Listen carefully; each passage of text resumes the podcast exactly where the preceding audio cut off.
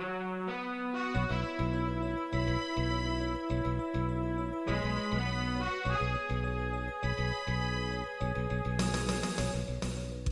listening to Radio Free Asia. The following program is in Khmer.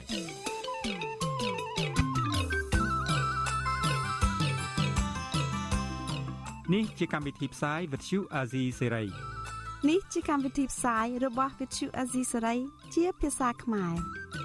ភាសាខ្មែរ Vuthu Azizi Serai សូមស្វាគមន៍លោកអ្នកនាងទាំងអស់ពីរដ្ឋធានី Washington នៃសហរដ្ឋអាមេរិក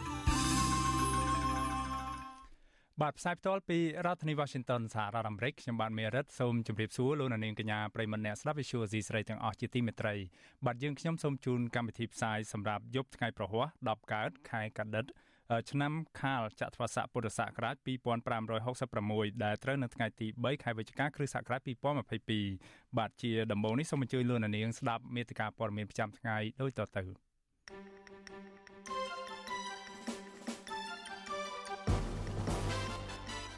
សហគមន៍ព្រៃឈើនិងដីធ្លីជួបជុំគ្នាបង្ហាញក្តីកង្វល់និងស្វែងរកដំណោះស្រាយស្របពេលកម្ពុជារៀបចំកិច្ចប្រជុំកំពូលអាស៊ាន គណៈបញ្ញយោបាយនិងអង្គការសង្គមស៊ីវិលស្នើដាក់អ្នកសង្កេតការសម្រាប់ការបោះឆ្នោតជាតិឆ្នាំ2023ខាងមុខតឡាការមិនអនុញ្ញាតឲ្យលោករងឈុនទៅប្រជុំសហជីពអន្តរជាតិនៅប្រទេសអូស្ត្រាលីសហគមន៍ខេត្តព្រះវិហារតវ៉ាប្រឆាំងការជួសឆាយព្រៃសហគមន៍ជីអោកអស់ជាង100ហិកតារួមនឹងព័ត៌មានសំខាន់សំខាន់មួយចំនួនទៀត។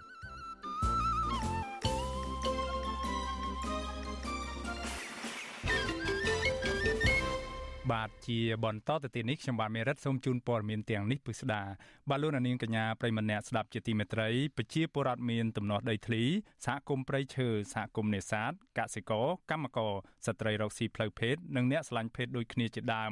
មានគ្នាប្រមាណ900នាក់មកពី20ខេត្តរាជធានីចូលរួមធ្វើសន្និបាតមហាជនស្ដីពីទុកកង្វល់របស់ពួកគាត់ នៅឯទីលានប្រជាធិបតេយ្យរាជធានីភ្នំពេញនៅថ្ងៃទី3ខែវិច្ឆិកា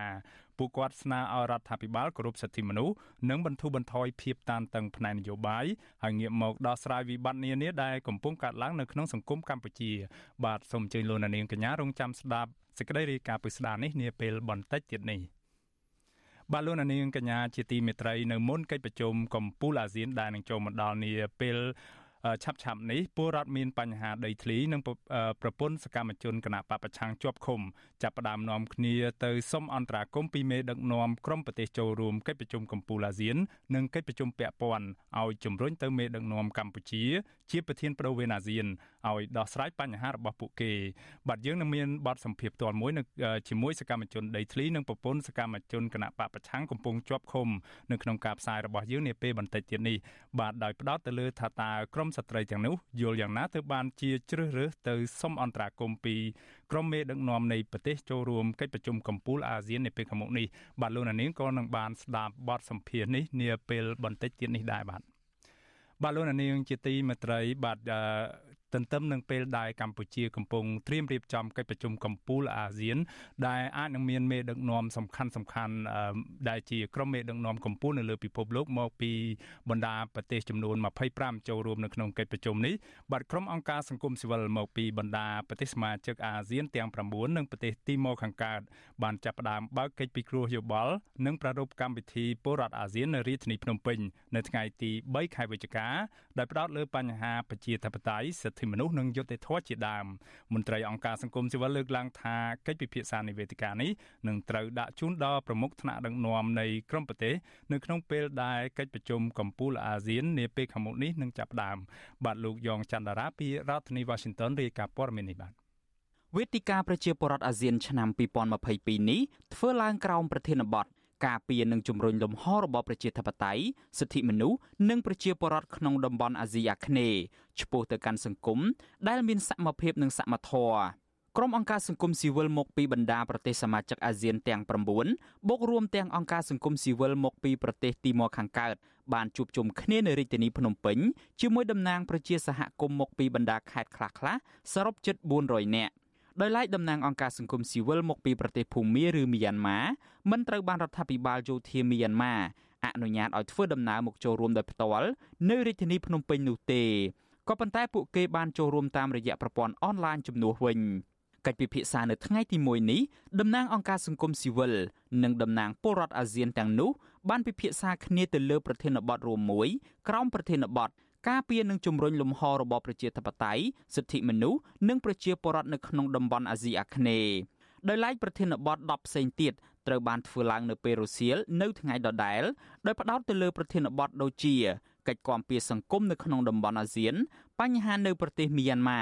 ស្ថានភាពសិទ្ធិមនុស្សនិងសន្តិភាពនៅក្នុងតំបន់ព្រមទាំងការដឹកនាំបែបផ្ដាច់ការនិយម និងយោធានិយមជាដើម អ្នកនាំពាក្យសមាគមការពារសិទ្ធិមនុស្សអាត6លោកសឹងសែនករណាយល់ឃើញថាវេទិកាបរដ្ឋអាស៊ានមានសារៈសំខាន់ដោយបានផ្ដល់ឱកាសឲ្យសង្គមស៊ីវិលនិងប្រជាពលរដ្ឋនៅក្នុងតំបន់បានជួបពិភាក្សាគ្នាទៅលើបញ្ហាកំពុងប្រឈមរៀងៗខ្លួន និងស្វែងរកដំណោះស្រាយដើម្បីដាក់ឲ្យថ្នាក់ដឹកនាំប្រទេសនៅក្នុងតំបន់និងថ្នាក់ដឹកនាំកម្ពុជាប្រទេសផ្សេងផ្សេងទៀតដែលចូលរួមក្នុងកិច្ចប្រជុំអាស៊ានបូកដើម្បីពិចារណាដោះស្រាយបញ្ហាទាំងនេះ។ ជាមួយគ្នានេះលោកសង្សានករណាទទូចស្នើសុំឲ្យរដ្ឋាភិបាលកម្ពុជា ពិចារណាទទួលយកអនុសាសន៍របស់ក្រុមអង្គការសង្គមស៊ីវិលនិងសហគមន៍អន្តរជាតិនៅក្នុងការបើកលំហប្រជាធិបតេយ្យនិងការគោរពសិទ្ធិមនុស្សឡើងវិញដើម្បីលើកកម្ពស់ជីវភាព និងសុខុមាលភាពរបស់ប្រជាពលរដ្ឋ ក្រោយពីយើងប្រារព្ធពិធីនេះរួចយើងមានសេចក្តីថ្លែងការណ៍រួមមួយយើងក៏ចង់ឃើញរដ្ឋាភិបាលកម្ពុជាយើងក៏ដូចជារដ្ឋាភិបាលនៃបណ្ដាប្រទេសសមាជិកអាស៊ានរួមទាំងបណ្ដាប្រទេសលោកសេរីធំធំហ្នឹងទទួលយកទៅឲ្យធ្វើការជួយអន្តរាគមយ៉ាងណាឲ្យអ្វីដែលជាការលើកឡើងនឹងត្រូវបានរកដំណោះស្រាយហើយផ្ដល់នៅសិទ្ធិសេរីភាពពេញលេញផ្ដល់នៅប្រព័ន្ធលទ្ធិប្រជាធិបតេយ្យមួយយ៉ាងពិតប្រាកដ ស្រដៀងគ្នានេះដែរអគ្គលេខាធិការសមាគមខ្មែរកម្ពុជាក្រោមដើម្បីសិទ្ធិមនុស្សនិងការអភិវឌ្ឍលោកសឿនជុំជួនប្រាប់វិទ្យុអាស៊ីសេរីថាវេទិកាពលរដ្ឋអាស៊ាននេះគឺជាឱកាសដ៏ល្អសម្រាប់សមាគមខ្មែរកម្ពុជាក្រោមបង្ហាញអំពីបញ្ហាប្រឈមពីព្រោះបញ្ហារបស់បងប្អូនខ្មែរកម្ពុជាក្រោមគឺជាបញ្ហាដែលត្រូវការទាំងរដ្ឋាភិបាលវៀតណាមរដ្ឋាភិបាលកម្ពុជា និងរដ្ឋាភិបាលថៃចូលរួមដោះស្រាយ។ លោកបន្ថែមថាបច្ចុប្បន្នប្រជាពលរដ្ឋខ្មែរក្រោមកំពុងតែប្រឈមនឹងបញ្ហារំលោភសិទ្ធិមនុស្សធ្ងន់ធ្ងរពីសំណាក់រដ្ឋាភិបាលវៀតណាមដូចជាការរឹតបន្តឹងសេរីភាពនៅក្នុងការបញ្ចេញមតិសិទ្ធិទទួលបានព័ត៌មានសិទ្ធិខាងជំនឿសាសនា និងការរឹតបន្តឹងនៅក្នុងការសិក្សាអក្សរសាស្ត្រខ្មែរជាដើម។ យើងលើកឡើងអំពីការព្រួយបារម្ភទៅលើកម្ពុជាក្រមនៅពេលរដ្ឋអំណាចវៀតណាមទៅចេញពីអបតាសញ្ញាបានផ្ដល់ជូនខ្មែរយើងហើយមិនបានបង្ហាញអំពីសង្គមជនជាតិឬក៏សាសនានៅលើរូបភាពលើអបតាសញ្ញាបានតែអានេះគឺជាការព្រួយបារម្ភដែលត្រូវយើងទៅអនាគតវាមិនបានប្រយ័ត្ននឹងទៅដល់អន្តរជាតិហើយយើងជួបខ្មែរយើងបានគឺចំណុចនោះគឺជាចំណុចខ្វល់ខ្វាយរបស់យើងដែលយើងបំរុងនឹងទៅដល់វិទ្យាប្រជាប្រដ្ឋអាស៊ានគមសិវលអាស៊ាននឹង ក្រុមអង្គការសង្គមស៊ីវិលក៏ធ្លាប់បានគ្រោងធ្វើវេទិកាប្រជាពលរដ្ឋអាស៊ាននេះដែរកាលពីឆ្នាំ2012ដែលកាលនោះកម្ពុជាគឺជាប្រធានបដូវវេនអាស៊ានក៏ប៉ុន្តែពេលនោះក្រុមអង្គការសង្គមស៊ីវិលខកខានមិនបានធ្វើឡើយដោយសារតែដល់ថ្ងៃកំណត់មកដល់បែរជាអាញាធរចេញមករារាំងមិនឲ្យធ្វើពិធីនេះទៅវិញ ដោយឡែកវេទិកាប្រជាពលរដ្ឋអាស៊ាននៅឆ្នាំ2022នេះត្រូវបានធ្វើឡើងដោយមិនមានការរំខានពីអាជ្ញាធរឬកម្លាំងមានសមត្ថកិច្ចនោះឡើយដោយអាជ្ញាធរគ្រាន់តែដាក់ឲ្យមានអ្នកមកស៊ើបអង្កេតតែប៉ុណ្ណោះវេទិកាប្រជាពលរដ្ឋអាស៊ាននេះក៏ជាការផ្ដល់ឱកាសដល់ប្រជាពលរដ្ឋនិងបណ្ដាអង្គការសង្គមស៊ីវិលក្រោមការដឹកនាំនៃរបបយោធានិងការដឹកនាំដែលមានការរដ្ឋបិទសិទ្ធិសេរីភាពនៅក្នុងការបញ្ចេញមតិ មានឱកាសលើកឡើងពីក្តីកង្វល់របស់ខ្លួនខណៈពួកគេមិនអាចលើកឡើងនៅក្នុងប្រទេសរបស់ខ្លួនបានដោយសារតែមានការប្រឈមទៅនឹងការគំរាមកំហែងពីសំណាក់រដ្ឋាភិបាលរបស់ខ្លួនវេទិកាប្រជាពលរដ្ឋអាស៊ាននឹងកិច្ចពិភាក្សាក្រុមអង្គការសង្គមស៊ីវិលអាស៊ាននេះធ្វើឡើងជារៀងរាល់ឆ្នាំដោយត្រូវធ្វើនៅប្រទេសជាប្រធានបដូវវេនអាស៊ានវេទិកានេះនឹងបន្តធ្វើរហូតដល់ថ្ងៃទី5ខែវិច្ឆិកា លទ្ធផលកិច្ចពិភាក្សាពីវេទិកាដែលរួមបញ្ចូលទាំងអនុសាសន៍ដើម្បីលើកកម្ពស់សិទ្ធិមនុស្សនិងលំហប្រជាធិបតេយ្យនៅក្នុងតំបន់អាស៊ានទាំងមូលនឹងត្រូវបានដាក់ជូនប្រមុខដឹកនាំនៃប្រទេសនៅក្នុងតំបន់អាស៊ាននិងប្រមុខថ្នាក់ដឹកនាំប្រទេសនៅក្នុងកិច្ចប្រជុំអាស៊ានបូកដែលនឹងប្រព្រឹត្តទៅចាប់ពីថ្ងៃទី8ដល់ថ្ងៃទី13ខែវិច្ឆិកាខាងមុខដើម្បីពិចារណារៀបចំយុទ្ធសាស្ត្រនៅក្នុងការដោះស្រាយបញ្ហាទាំងនោះ ខ្ញុំយ៉ងច័ន្ទដារាវិទ្យុអាស៊ីសេរីរាយការណ៍ពីរដ្ឋធានី Washington បាទលោកនាងកញ្ញាប្រិមម្នាក់ស្ដាប់ជាទីមេត្រីលោកនាងកំពុងស្ដាប់កម្មវិធីផ្សាយផ្ទាល់របស់ Visual Asia សេរីនៅលើបណ្ដាញសង្គម Facebook YouTube និងនៅលើរលកធារកាសខ្លីបាទ តកតងនឹងរឿងដែលអង្គការដំឡាភិបកម្ពុជាថ្មីថ្មីនេះទើបនឹងបានចេញរបាយការណ៍មួយដែលរកឃើញថាក្រមយុវជននៅកម្ពុជានឹងមិនសូវជាចាប់អារម្មណ៍នឹងរឿងនយោបាយនៅឡើយទេបាទអង្គការដំឡាភិបកម្ពុជាបានចេញរបាយការណ៍ស្ទង់មតិមួយរកឃើញថាយុវជនខ្មែរមិនសូវជាចាប់អារម្មណ៍នឹងរឿងនយោបាយទេដោយសារតែពួកគាត់ព្រួយបារម្ភពីសុវត្ថិភាពផ្ទាល់ខ្លួន របាយការណ៍នេះបានស្ទង់មតិលើយុវជនចំនួន1600នាក់គឺមានតែយុវជនចំនួន17%ប៉ុណ្ណោះដែលនិយាយថាពួកគេចាប់អារម្មណ៍នឹងរឿងនយោបាយរីឯយុវជន 82%ទៀតនិយាយថាពួកគេមិនចាប់អារម្មណ៍ទាល់តែសោះឬចាប់អារម្មណ៍បន្តិចបន្តួចលើកិច្ចការនយោបាយនៅក្នុងប្រទេសបាទរបាយការណ៍នេះស្ទង់មតិលើយុវជនដែលមានអាយុចន្លោះពី15ឆ្នាំទៅ30ឆ្នាំនៅភូមិចំនួន200នៅទូទាំងប្រទេសគឺចាប់ពីខែវិច្ឆិការហូតដល់ខែធ្នូឆ្នាំ2021ដែលទើបយកមកផ្សព្វផ្សាយកាលពីថ្ងៃទី30ខែតុលាបាទរបាយការណ៍ស្ទង់មតិរបស់អង្គការដំឡាភិបកម្ពុជានេះបានផ្ដល់អនុសាសន៍ដល់រដ្ឋាភិបាល នៅអនុសាសន៍មួយចំនួនដែលក្នុងនោះគឺក្នុងគោលបំណងដើម្បីឲ្យយុវជនចូលរួមយ៉ាងសកម្មនៅក្នុងកិច្ចការប្រទេសជាតិនិងរឿងនយោបាយក្នុងនោះមានដូចជារដ្ឋាភិបាលគួរតែកែលម្អក្របខ័ណ្ឌច្បាប់ គោលនយោបាយនិងបើកបរិយាកាសនយោបាយនិងសិទ្ធិសេរីភាពឲ្យបានទូលំទូលាយសម្រាប់ក្រមយុវជនដូចជាសិទ្ធិបញ្ចេញមតិសិទ្ធិនៅក្នុងការជួបប្រជុំសិទ្ធិបង្កើតអង្គការសមាគមសិទ្ធិទទួលបានព័ត៌មានជាដើមដើម្បីឲ្យយុវជនបានចូលរួមនៅក្នុងជីវិតសង្គមនយោបាយនិងកិច្ចការប្រទេសជាតិ បាទសូមអញ្ជើញលោកនាងកញ្ញារងចាំស្ដាប់នឹងទស្សនានេតិវេទិកាអ្នកស្ដាប់វិសុអេស៊ីស្រីនៅយប់ថ្ងៃសុក្រទី4ខែវិច្ឆិកាស្អែកនេះដែលយើងនឹងជជែកគ្នាថាតើត្រូវធ្វើដូចម្តេចដើម្បីឲ្យយុវជនចាប់អារម្មណ៍ទៅលើកិច្ចការនយោបាយនិងកិច្ចការប្រទេសជាតិឡើងវិញនោះហើយប្រសិនបើលោកនាងមានចំណាប់អារម្មណ៍ចង់ចូលរួមដាក់ជាសំណួរឬក៏មតិយោបល់ទៅកាន់វាគ្មិនរបស់យើងនៅក្នុងនេតិវេទិកាអ្នកស្ដាប់វិសុអេស៊ីស្រីនៅថ្ងៃស្អែកនេះបាទសូមអញ្ជើញលោកនាងកុំភ្លេចរងចាំតាមដាននឹងអឺ ចូលរួមដាក់ជាសំណួរដាក់តាមរយៈការផ្ដល់លេខទូរស័ព្ទរបស់លោកនាងនិងឈ្មោះនៅក្នុងប្រអប់ខ្ទង់ comment នៃការផ្សាយផ្ទាល់របស់ Visual C សេរីនៅពេលនោះហើយក្រុមការងាររបស់យើងនឹងហៅទៅលោកនាងវិញបាទសូមអរគុណ បាទលោកនាងកញ្ញាជាទីមេត្រីយើងងាកមកស្ដាប់ព័ត៌មានតាក់ទងទៅនឹងការបន្តធ្វើទុកបុកម្នេញទៅលើសកម្មជននិងមន្ត្រីគណៈបកភ្លើងទៀននៅឯខេត្តបាត់ដំបងឯនោះវិញបាទសាលាដំបងខេត្តបាត់ដំបងបើកសវនាការជំនុំជម្រះលើអង្គសេចក្តីនៅក្នុងសំណុំរឿងរបស់សកម្មជនគណៈបកភ្លើងទៀនបន្ទាប់ពីឃុំខ្លួនអស់រយៈពេលជាង5ខែមន្ត្រីអង្គការសង្គមស៊ីវិលនៅតែទទូចឲ្យតុលាការទម្លាក់ចោលបទចោទលើសកម្មជនបកប្រឆាំងរូបនោះដោយយោងទៅតាមអង្គហេតុនិងនីតិវិធីតាមផ្លូវច្បាប់ជាជាវៀងការពាក់ព័ន្ធជាមួយផ្លូវនយោបាយបាទពីរដ្ឋធានី Washington លោកជាតិចំណានរាយការណ៍ព័ត៌មាននេះបាទសាលាដំបងខេត្តបាត់ដំបងនៅព្រឹកថ្ងៃទី3ខែវិច្ឆិកាបានបើកសវនាការជំនុំជម្រះសំណុំរឿងរបស់មន្ត្រីគណៈបកភ្លើងទៀនលោកលីសខុនដែលត្រូវបានតុលាការចោទប្រកាន់ពីបទរំលោភលើលំនៅឋានការបើកសវនាការជាថ្មីនេះគឺបន្ទាប់ពីកន្លងមកតុលាការខេត្តនេះបានសម្រេចរុញសំណុំរឿងនេះទៅស៊ើបអង្កេតបន្ថែមឡើងវិញនៅក្នុងអង្គសវនាការចាប់ផ្ដើមនៅម៉ោង9ព្រឹក ចៅក្រមជំនុំជម្រះអ្នកស្រីហៃណៃហេងនិងព្រះរាជអាជ្ញារងលោកសេងផានិតនៅតែបន្តសួរដេញដោលលោកលីសុខុននិងសាក់សីក្នុងអង្គហេតុដោយសាវនាការលើកមុនថាតើលោកលីសុខុនបានចូលទៅហួសផុតពីរបងផ្ទះហើយទៅក្នុងផ្ទះឈ្មោះសុកលឹមដែលឬអត់កាលពីថ្ងៃទី5ខែមិថុនាឆ្នាំ2022លោកលីសុខុននិងសាក់សីឈ្មោះសុភ័ក្រនៅតែអះអាងថាខ្លួនមិនបានចូលទៅក្នុងលំនៅឋានឈ្មោះសុកលឹមនោះឡើយតែគ្រាន់តែឈរនៅខាងក្រៅចិត្តរបងអង្គុយក្រោមដើមស្វាយក្បែរចិញ្ចើមផ្លូវ និងសួរទៅឈ្មោះឡាញ់ជុនដែលជាដើមមិនដឹងពីប្រាក់ដែលនៅក្នុងដៃនោះថាជាប្រាក់អ្វីដោយសារតែលោកមានការសង្ស័យថាមានការទិញទឹកចិត្តក្នុងអំឡុងពេលបោះឆ្នោតតែប៉ុណ្ណោះលោកលីសុខុនបញ្ជាក់ថាក្នុងពេលនោះលោកឡាញ់ជុនឆ្លើយថាប្រាក់នោះគឺជាប្រាក់ដែលខ្លួនលក់ត្រីហើយលោកក៏បាននិយាយសុំទោសនឹងចាក់ចេញទៅប៉ុន្តែសាក់សីដែលត្រូវជាប្អូនស្រីដើមមិនដឹងឈ្មោះអឿនសារិតអះអាងថាលោកលីសុខុនបានឈានជើងចូលហួសព្រំរបង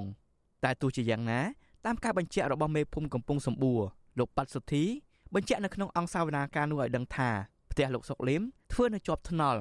លើផ្លូវច្រមុះជ្រូកនិងមានចាក់សាបជាប់ចិញ្ចើមផ្លូវគ្មានរបងនោះទេដោយមានតែរនាំងទ្វារបិទនៅពេលយប់តែប៉ុណ្ណោះ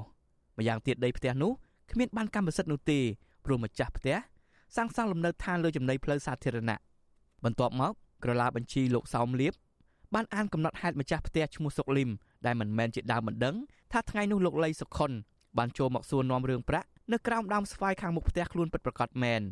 អង្គសាវនាការបានបញ្ចប់នៅម៉ោង9:40នាទីព្រឹកដោយចៅក្រមជំនុំជម្រះកំណត់ពេលប្រកាសសារក្រមនៅព្រឹកថ្ងៃទី17ខែវិច្ឆិកាខាងមុខនេះវិសុអស៊ីសេរីមិនអាចតាក់ទងមេធាវីការពារក្តីលោកសំសកុងនិងអ្នកនាំពាក្យសាលាដំបងខេត្តបាត់ដំបងអ្នកស្រីជាច័ន្ទរស្មីដើម្បីបកស្រាយបន្ថែមបានទេនៅថ្ងៃទី3ខែវិច្ឆិកានេះជុំវិញរឿងនេះអ្នកសម្របសម្រួលផ្នែកខ្លំមើលការរំលោភសិទ្ធិមនុស្សនៃអង្គការលីកាដូប្រចាំខេត្តបាត់ដំបងលោកអិនកុងចិត្តប្រាប់វិសុអាស៊ីសេរីឲ្យដឹងថា ការប្រកាសសារក្រមនៅថ្ងៃទី17ខែវិច្ឆិកាខាងមុខនឹងកាត់សេចក្តីថាលោកលីសខុនមានទោសឬគ្មានទោសលោកថាយោងតាមអង្គហេតុនិងអង្គច្បាប់រឿងក្តីរបស់សកម្មជនបកប្រឆាំងរូបនេះមិនគួរអូសបន្លាយពេលវេលាឲ្យកាន់តែយូរជាងនេះទៀតនោះទេជាពិសេសលោកស្នើឲ្យអង្គជំនុំជម្រះកាត់ក្តីរឿងនេះដោយឈរលើគោលការណ៍យុត្តិធម៌និងដំណាភាពជៀសវាងមានចេតនាសងសឹកក្នុងផ្លូវនយោបាយ យើងស្នើសុំឲ្យតឡាការសាលាដំបងខេត្តបាត់ដំបងលោកស្រីចក្រមជំនុំជម្រះគាត់គួរតែទម្លាក់បទចោតប្រកាន់ឲ្យគាត់រួចផុតពីបទចោតដោយសារគាត់មិនបានប្រព្រឹត្តបទល្មើសចូលទៅក្នុងលំនៅឋានគេដោយប្រើការគំរាមកំហែងដោយប្រើកលល្បិចបាទដោយប្រើហិង្សាទៅលើចាស់លំនៅឋានណាកាលពីថ្ងៃទី24ខែសីហាចៅក្រមជំនុំជម្រះនៃសាលាដំបងខេត្តបាត់ដំបងអ្នកស្រីហៃណៃហេងបានសម្រេចបញ្ជូនសំណុំរឿងលោកលីសុខុន ដែលបានជំនុំជម្រះរួចរាល់ម្ដងហើយនោះទៅស៊ើបសួរបន្ថែមទៀតឡើងវិញក្រុមហេតុផលថាភាពចាំបាច់ត្រូវស្រាវជ្រាវថ្មីដោយសារតែម្ចាស់លំនៅឋានឈ្មោះសុកលីមមិនបានចូលរួមសវនកម្មកាលពីថ្ងៃទី11ខែសីហាព្រោះទៅធ្វើការជាពលករនៅប្រទេសថៃតែទោះជាយ៉ាងណាមន្ត្រីសិទ្ធិមនុស្សយល់ថាសេចក្តីសម្រេចរបស់តុលាការគ្មានភាពយុត្តិធម៌និងគ្រាន់តែរកវិធីឃុំខ្លួនលោកលីសុខុនឲ្យរងទុក្ខក្នុងពន្ធនាគាររយៈពេលយូរតែប៉ុណ្ណោះគិតមកត្រឹមពេលនេះលោកលីសុខុន ត្រូវបានតុលាការឃុំខ្លួនម្ដងអាសន្នអស់រយៈពេល75ខែមកហើយលោកត្រូវបានអាជ្ញាធរចាប់ខ្លួននៅថ្ងៃទី8ខែមិថុនាក្រោមបទចោទរំលោភលើលំនៅឋានបន្ទាប់ពីលោកថតវីដេអូក្រុមមន្ត្រីបកកាន់អំណាចអង្គុយកត់ឈ្មោះពលរដ្ឋនៅថ្ងៃបោះឆ្នោតក្រុមប្រឹក្សាគុំសង្កាត់នៅក្នុងភូមិកំពង់សម្បួរស្រុកឯកភ្នំប៉ុន្តែដើមបណ្ដឹងដែលប្តឹងលោកលីសុខុនមិនមែនជាម្ចាស់ផ្ទះនោះឡើយនឹងបានដកពាក្យបណ្ដឹងវិញកាលពីថ្ងៃទី9ខែមិថុនារឿងក្តីក្តាំរបស់សកម្មជនបកប្រឆាំងសកម្មជនបរិស្ថាន និងអ្នកតស៊ូមតិដែលបានទទួលរងបណ្ដឹងការចោទប្រកាន់ផ្សេងផ្សេងតាមផ្លូវតុលាការបានធ្វើឲ្យអង្គការសង្គមស៊ីវិលនិងអ្នកខ្លាំមើលការរំលោភសិទ្ធិមនុស្សជាតិនិងអន្តរជាតិមើលឃើញថាប្រព័ន្ធយុតិធធននៅកម្ពុជាមានស្តង់ដារ2និងស្ថិតក្រោមឥទ្ធិពលរបស់អ្នកនយោបាយខ្ញុំបាទជាចំណាន Visual Assisray ប្រធានាទី Washington បាទលោកនាងកញ្ញាប្រិមម្នាក់ស្ដាប់ជាទីមេត្រីបាទបន្ថែមពីលើសេចក្តីរាយការណ៍របស់លោកជាតិចំណានពាក់ព័ន្ធទៅនឹងការធ្វើទុកបុកម្នេញផ្នែកនយោបាយទៅលើសកម្មជនគណៈបកភ្លើងទៀននៅខេត្តបាត់ដំបងនោះយើងងាកមកស្ដាប់ព័ត៌មានតាក់ទងទៅនឹងការបន្តប្រើប្រព័ន្ធតុលាការកាត់ក្តីទៅលើសកម្មជនគណៈបកសង្គ្រោះជាតិក្នុងចំនួនដ៏ច្រើនគឺចំនួនដល់ទៅ39នាក់ឯនោះវិញបាទតុលាការក្រុងភ្នំពេញនៅថ្ងៃទី3ខែវិច្ឆិកានេះបន្តសវនាការលើសំណុំរឿងថ្នាក់ដឹកនាំនិងសកម្មជនគណៈបកសង្គ្រោះជាតិសរុបចំនួន39នាក់តឡាការប្រើពេលមួយព្រឹកដើម្បីស្ដាប់និងពិនិត្យភស្តុតាងរបស់សមាជិកដែលជាអ្នកកសាងសំណុំរឿងបាទទោះជាយ៉ាងណាមេធាវីនិងក្រុមគ្រួសារសកម្មជនកំពុងជាប់ឃុំយល់ថាភស្តុតាងដែលសមាជិកប្រមូលបាន នៅតាមបណ្ដាញសង្គមនោះគឺគ្មានភាពច្បាស់លាស់និងទាមទារឲ្យទម្លាក់ចោលការចាត់ប្រកាន់វិញបាទរីឯក្រុមគ្រួសារនិងសកម្មជនគណៈបពប្រឆាំងដែរគេស្គាល់ថាជាក្រុមស្ត្រីថ្ងៃសុកក៏កំពុងស្វែងរកអន្តរាគមពីប្រទេសជាសមាជិកអាស៊ានដើម្បីឲ្យជួយដោះលែងអ្នកទស្សនយោបាយទាំងអស់នោះដែរបាទពីទីក្រុងមែលប៊ននៃប្រទេសអូស្ត្រាលីលោកថាថៃរីកាព័រមាននេះបាទមន្ត្រីពន្ធនាគារបានដឹកសកម្មជនគណៈបកសង្គ្រោះជាតិដែលកំពុងជាប់នៅពន្ធនាគារព្រៃសរចំនួន3នាក់ឲ្យចូលរួមសវនាការផ្ទាល់រួមមានលោកវឿងសំណាងលោកខាន់ប៊ុនភេងនិងលោកគង់ម៉ាស់ចំណែកថ្នាក់ដឹកនាំរួមមានលោកសំរងស៊ីអ្នកស្រីមូសុខហូលោកអេងឆៃអៀងរួមទាំងមន្ត្រីជាន់ខ្ពស់និងសកម្មជនផ្សេងទៀតតុលាការកាត់ទោសកំបាំងមុខដោយសារពួកគាត់ កំពុងរស់នៅក្រៅប្រទេសសវនាការលើកទី6នេះប្រធានក្រុមប្រឹក្សាជំនុំជម្រះនៃសាលាដំបងរាជធានីភ្នំពេញអ្នកស្រីអុករ៉េតគុនធាបានអនុញ្ញាតឲ្យសមត្ថកិច្ចក្រសួងមហាផ្ទៃបង្ហាញភ័ស្តុតាងនិងរបាយការណ៍ដែលបានចោទប្រកាន់ថ្នាក់ដឹកនាំនិងសកម្មជនគណៈបកសង្គ្រោះជាតិ39នាក់ពីបទញុះញង់និងរួមគំនិតក្បត់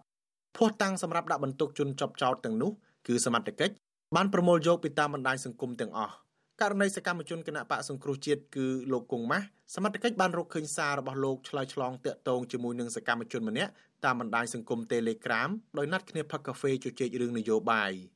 ចំណែកលោកវឿងសំណាងវិញសមត្ថកិច្ចបានរកឃើញគណនី Facebook ជាច្រើនសម្រាប់ប្រើប្រាស់វាយប្រហាររដ្ឋាភិបាលក្នុងពេលលោកភៀសខ្លួននៅក្នុងប្រទេសថៃ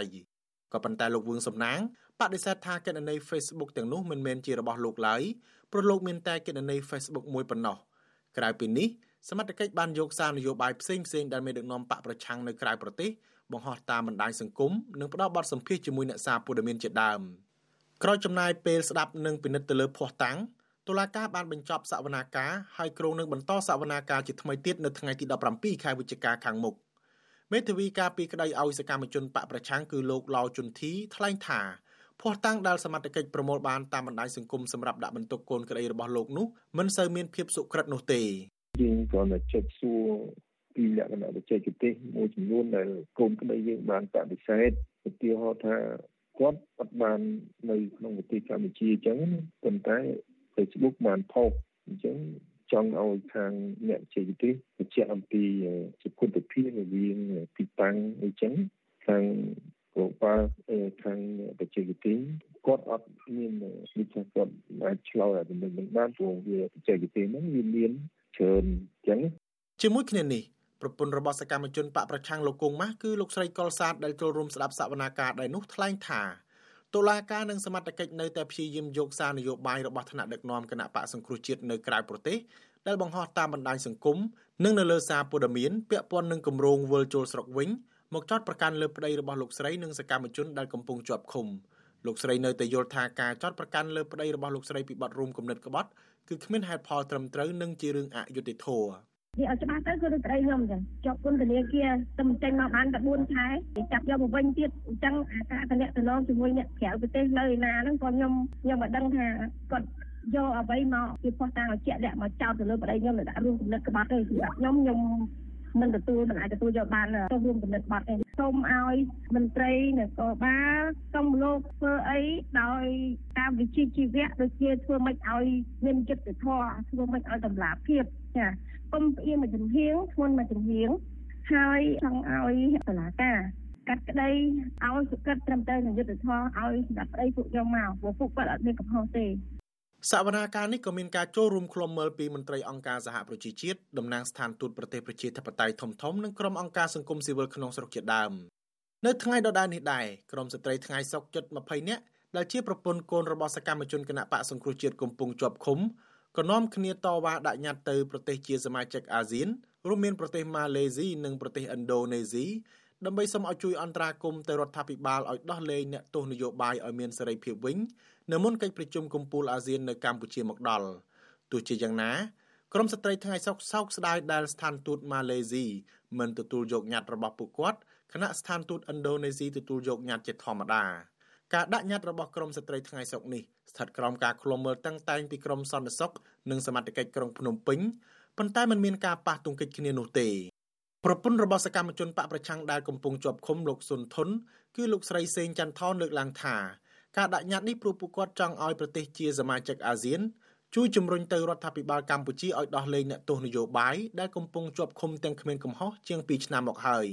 ខ្ញុំចង់សំណូមពរទៅខាងទូតម៉ាឡេស៊ី ធ្វើយ៉ាងណាជួយជំរុញរាជរដ្ឋាភិបាលស្នើសុំនៅអាស៊ានថ្ងៃខាងមុខនេះសូមឲ្យមានការដោះលែងអ្នកនយោបាយដែលកំពុងជាប់ឃុំទាំងអស់ឲ្យមានឲ្យដោះលែងឲ្យនៅក្រៅឃុំទាំងអស់ចាដើម្បីឲ្យប្រទេសកម្ពុជាឲ្យថាមានសិទ្ធិសេរីភាពមកវិញកុំឲ្យជាពលរដ្ឋតែងតែស្រែកក្តែងក្តែងថាប្រទេសកម្ពុជាបាត់បង់អស់ហើយសេរីភាពចាហើយជាសេចក្តីរដ្ឋាភិបាលខាងតុលាការ ឲ្យគិតគូរឡើងវិញឲ្យស្ដារនៅលទ្ធិជាតិធិបតេយ្យមកវិញនៅក្នុងប្រទេសកម្ពុជានេះចាឆ្លើយតបរឿងនេះប្រធានអង្គភិបអ្នកណែនាំពាក្យរដ្ឋាភិបាលលោកថៃស៊ីផានថ្លែងថាមានតែតុលាការកម្ពុជាប៉ុណ្ណោះដែលមានសិទ្ធិអំណាចដោះលែងអ្នកជាប់ឃុំចេញពីពន្ធនាគារក៏ប៉ុន្តែបរទេសមិនអាចបង្គាប់បញ្ជាមករដ្ឋាភិបាលកម្ពុជានិងតុលាការឲ្យដោះលែងអ្នកជាប់ឃុំបានទេអាស៊ានជាពហុភាគី មិនមែនផ្ទៃភាគីទេហើយអាស៊ានការអត់មានសិទ្ធិលុកលាន់នៅក្នុងដែនអធិបតេយ្យនៃតុលាការនៃប្រជាជាតិណាមួយនោះទេអាស្រ័យហេតុដូច្នេះផលសង្ឃឹមទុកដែលបានលើកឡើងមកគឺមិនចំទិសដៅមិនចំអត្ថន័យនៃគោលការណ៍ច្បាប់នេះទេបាទបើទោះបីជាអ្នកនាំពាក្យរដ្ឋាភិបាលអះអាងបែបនេះក្តី ក៏ប៉ុន្តែកន្លងមករដ្ឋាភិបាលនិងតុលាការតែងតែដោះលែងអ្នកទោសនយោបាយឲ្យមានសេរីភាពវិញនៅពេលមានការរិះគន់និងរងសម្ពាធខ្លាំងពីសហគមន៍អន្តរជាតិឬមានការចរចានយោបាយត្រូវរូវគ្នារវាងមេបកប្រឆាំងនិងមេបកកាន់អំណាចនាយកទទួលបន្ទុកកិច្ចការទូតទៅនៃអង្គការលីកាដូលោកអំសំអាត មានប្រសាសន៍ថាក្រុមអង្គការជាតិនិងអន្តរជាតិរួមទាំងអង្គការសហប្រជាជាតិផងសុទ្ធតែចាត់ទុកករណីកាត់ទោសថ្នាក់ដឹកនាំនិងសកម្មជនបកប្រឆាំងថាជារឿងនយោបាយច្រើនជាងការអនុវត្តច្បាប់ លោកបន្តថានៅមុនកិច្ចប្រជុំអាស៊ាននឹងការបោះឆ្នោតជាតិខិតជិតមកដល់មេដឹកនាំបកកណ្ដាលអំណាចនិងមេដឹកនាំបកប្រឆាំងគូតែតម្កល់ផលប្រយោជន៍ជាតិនិងពលរដ្ឋជាធំដោយងាកទៅប្រើវប្បធម៌សន្តិនិកដោះស្រាយចំនួននយោបាយហើយប្រកល់សេរីភាពជូនអ្នកជាប់ឃុំនយោបាយឡើងវិញយើងជាអង្គការសង្គមស៊ីវិលចង់ឃើញទស្សនវិជ្ជានៃការបន្ធូរបន្ថយបរិយាកាសតាមតាំងផ្នែកនយោបាយហ្នឹងនៅពេលមុនប្រជុំអាស៊ានហ្នឹងក៏ដូចជាចង់ឃើញបរិយាកាស ល្អប្រសើរចំពោះប្រការបោះឆ្នោតជាតិខាងមុខណាដែលយើងឃើញតែថ្មីថ្មីនេះដូច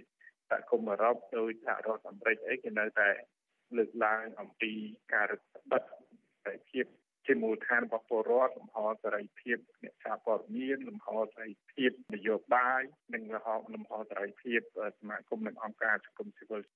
មកទល់ពេលនេះមានសកម្មជនគណៈបកសង្គ្រោះជាតិនិងសកម្មជនគណៈបកភ្លើងទៀនចំនួន39នាក់កំពុងជាប់ឃុំនៅក្នុងពន្ធនាគារដែលសហគមន៍ជាតិនិងអន្តរជាតិចាត់ទុកថា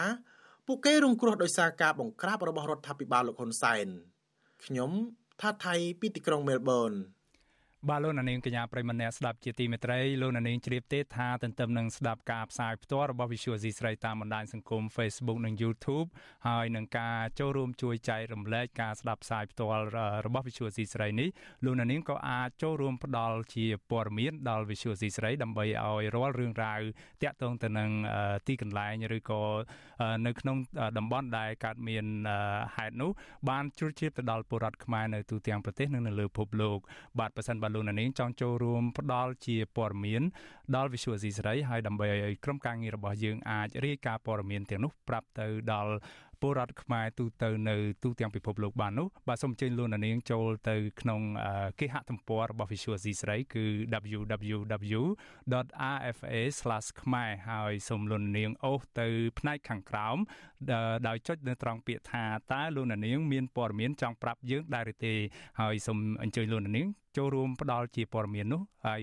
ផ្ញើមក Visual C ស្រីហើយក្រុមការងាររបស់យើងនឹងព្យាយាមរាយការណ៍ព័ត៌មាននោះជូនលោកនាងដើម្បីឲ្យបានជ្រាបជ្រួតជ្រាបដល់ពលរដ្ឋខ្មែរនៅទូទាំងពិភពលោកបាទទន្ទឹមនឹងនេះយើងខ្ញុំក៏សូមថ្លែងអំណរគុណដល់លោកនាងដែលតែងតែមានភក្ដីភាព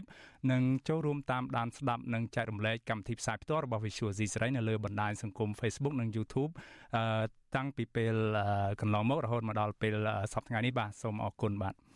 បាទទន្ទឹមនឹងនេះដែរយើងមានព័ត៌មានតាក់ទងទៅនឹងកិច្ចការបោះឆ្នោតស្របពេលដែលកម្ពុជានៅមិនដល់ពេលជាប្រមាណ9ខែទៀតនឹងនឹងរៀបចំការបោះឆ្នោតជ្រើសតាំងតំណាងរាស្ត្រអាណត្តិទី7នោះបាទគណៈបកនយោបាយចំនួន4និងអង្គការសង្គមស៊ីវិលចំនួន5កំពុងចាប់ផ្ដើមស្នើដាក់អ្នកសង្កេតការរបស់ខ្លួនជាង300នាក់ដើម្បីឃ្លាំមើលការបោះឆ្នោតឆ្នាំ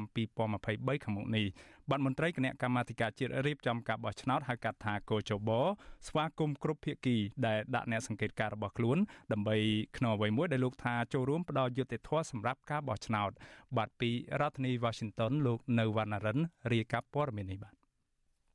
មន្ត្រីគណៈបកនយោបាយនិងសង្គមស៊ីវិលដែលធ្វើការតាក់ទងនឹងការបោះឆ្នោតលើកឡើងថា ទួលនីតិអ្នកអង្កេតការឃ្លាំមើលការបោះឆ្នោតឆ្នាំ2023ខាងមុខមានសារៈសំខាន់ព្រោះពួកគេជាផ្នែកមួយជួយការពារការលួចបន្លំសัญลักษณ์ឆ្នោត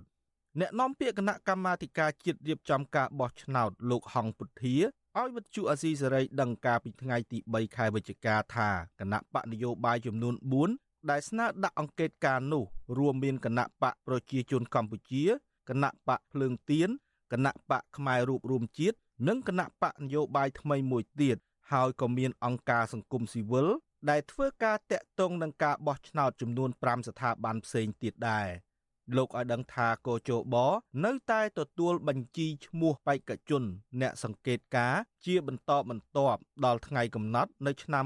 2023ខាងមុខ ការចូលរួមរបស់អ្នកកិច្ចការកាន់តែច្រើននោះគឺជារឿងដែលល្អប្រសើរនៅក្នុងដំណើរការបោះឆ្នោតពីព្រោះវាអាចឆ្លងចាំងនឹងការពិតនិងសកម្មភាពទាំងឡាយពាក់ព័ន្ធនឹងដំណើរការបោះឆ្នោតណាបាទ គណៈកម្មាធិការជាតិរៀបចំការបោះឆ្នោតអនុញ្ញាតឲ្យអង្គការសមាគមជាតិអន្តរជាតិនិងគណៈបកនយោបាយអាចស្នើសុំចុះឈ្មោះអ្នកអង្កេតការនិងភ្នាក់ងាររបស់ខ្លួនឃ្លាំមើលការបោះឆ្នោតចាប់ពីថ្ងៃទី20ខែកញ្ញាដល់ថ្ងៃទី11ខែកុម្ភៈឆ្នាំ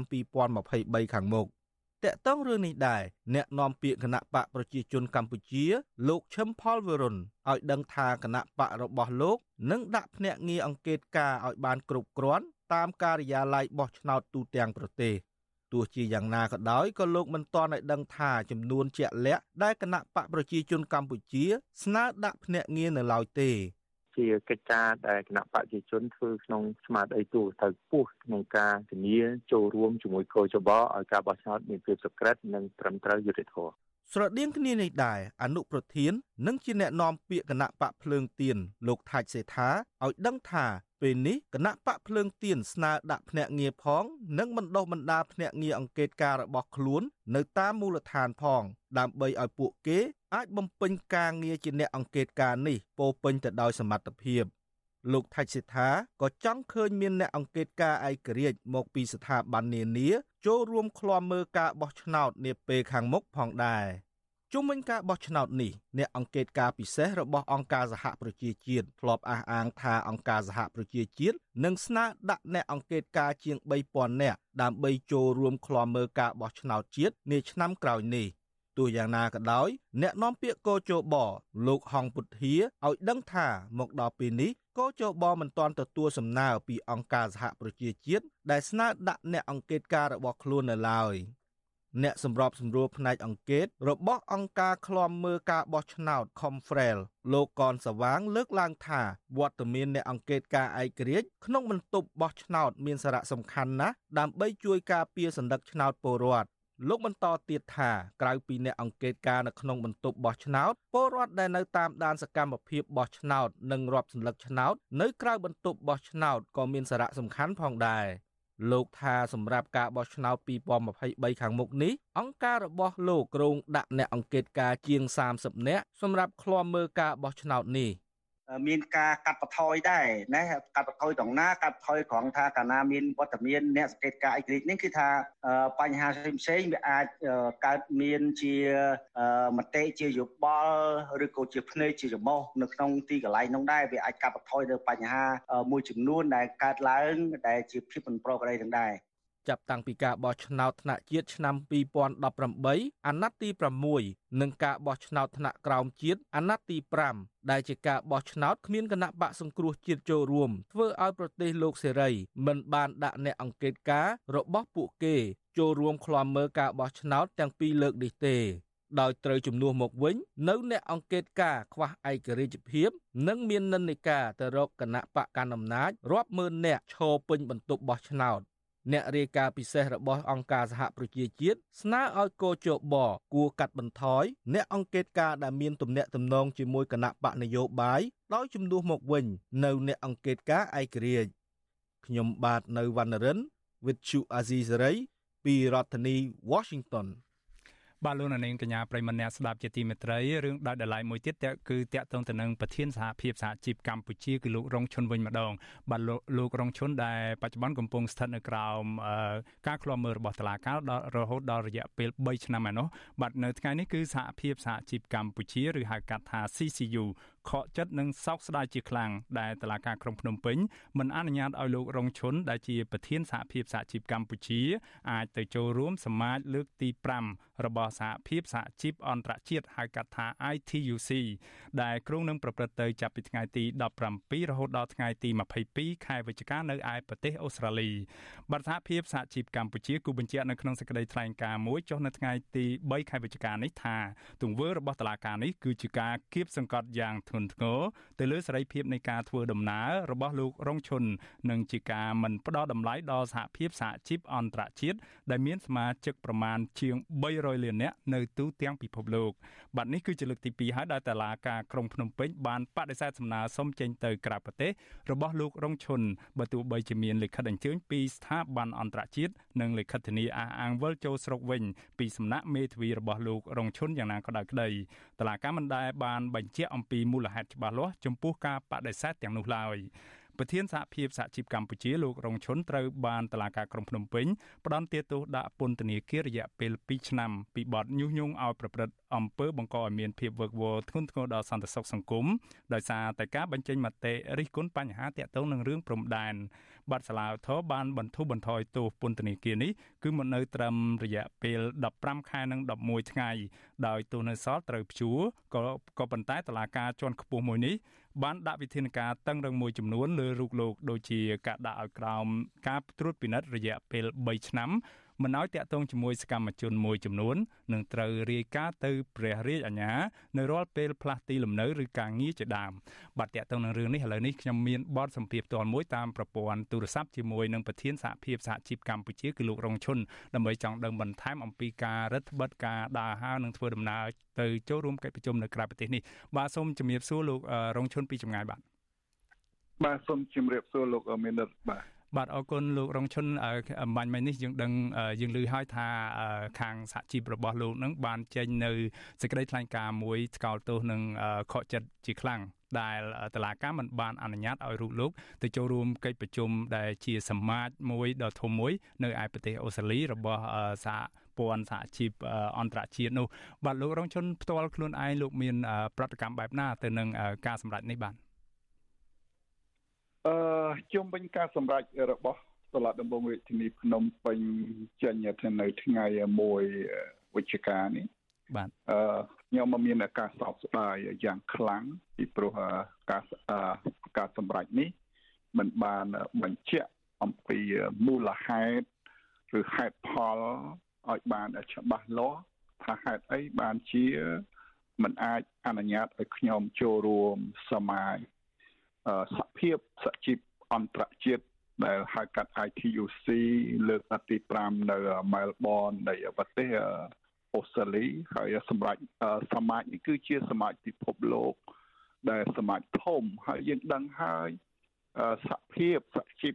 អន្តរជាតិ ITUC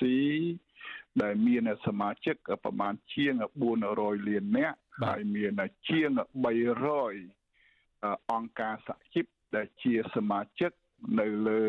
នៅមកពីបណ្ដាប្រទេសប្រមាណជា150ប្រទេសនៅទូទាំងពិភពលោកហ្នឹងហើយយើងដឹងហើយថា ITUC មានអតិពលហើយមានដៃគូនៅលើឆាកអន្តរជាតិដូចជា ILO ក្តីហើយក៏អង្គការអន្តរជាតិផ្សេងផ្សេងទៀតហើយការសម្រេច របស់សាលាដំបងរាជធានីភ្នំពេញនេះយើងឃើញចរិតនៃការសម្រេចនេះបានដាក់កំហិតបានគៀបសង្កត់ទៅលើសេរីភាពក្នុងការធ្វើដំណើររបស់ខ្ញុំទៅចូលរួមសមាជ ITUC ក៏ដូចជាមិនបានផ្ដល់តម្លៃឲ្យស្ថាប័ន ITUC បន្តិចតោះហើយការសម្រេចនេះมัน មានផលចំណេញដល់កម្ពុជាយើងទេ ពីព្រោះយើងដឹងហើយអឺសហភាពសហជីពអន្តរជាតិ ITUC ដែលជាបាទសហភាពមួយមានឥទ្ធិពលនៅលើឆាកអន្តរជាតិហើយការដែលសម្រេចបែបនេះធ្វើឲ្យកម្ពុជាយើងមានការខាត់បងទៅវិញទេពីព្រោះនៅពេលដែលសមាជហ្នឹង គេនឹងលើកករណីខ្ញុំហ្នឹង នឹងនិយាយនៅក្នុងលោកលោករងឈុនបាទសូមអធិស្ឋានកាត់ទោសសូមសូមអធិស្ឋានសូមកាត់ប្រសាសន៍លោកបន្តិចត្រង់កន្លែងនេះយើងនឹងភាសាលម្អិតបន្ថែមទៀតប៉ុន្តែខ្ញុំចង់ឲ្យលោករងឈុនបញ្យល់ឲ្យបានច្បាស់ព្រោះយើងដឹងតាមរយៈព័ត៌មានមកថាលោករងឈុនត្រូវបើទោះបីជាតឡាការស្លាវធរនឹងបានបន្ធូរបន្ថយទោសរួចដោះលែងលោកក៏ដោយក៏ប៉ុន្តែដាក់លោកឲ្យស្ថិតនៅក្រោមការត្រួតពិនិត្យរបស់ស្ថាប័នតឡាការនោះរយៈពេលដល់ទៅ3ឆ្នាំឯណោះបាទតើនេះមានន័យថាយ៉ាងម៉េចដែរលោករងឈុនពេលដែលតឡាការសាលាដំបងនឹងបានចេញសេចក្តីសម្រេចជាសេចក្តីសម្រេចជាលាយលក្ខអក្សរឬយ៉ាងណាហើយតើមានអាចយើងអាចប្តឹងទាស់បានដែរឬទេ ហើយទន្ទឹមនឹងនោះតើសេចក្តីសម្រេចមានន័យថាជាការដកហូតលិខិតឆ្លងដែនរបស់លោករងឈុនមិនឲ្យធ្វើដំណើរទៅក្រៅប្រទេសតែម្ដងឬក៏យ៉ាងម៉េចបាទអឺរឿងហ្នឹងនៅនៅសាវនាការសាលាដំបងបានសម្រេចកាត់ទោសឲ្យខ្ញុំមាន ទោស2ឆ្នាំដល់ឡើងមកដល់ស្លាកឧទ្ធរបានស្លាកឧទ្ធរកាត់តម្រឹមមានន័យថាឲ្យខ្ញុំអនុវត្តទោស15ខែ11ថ្ងៃហើយត្រូវស្ថិតនៅក្រោមវិធានការតឡាការ3ឆ្នាំអញ្ចឹងខ្ញុំនៅរយៈពេលដល់ថ្ងៃ31កក្កដា2023នឹងគ្រប់កំណត់3ឆ្នាំ មានន័យថាផុតបំរាមហើយ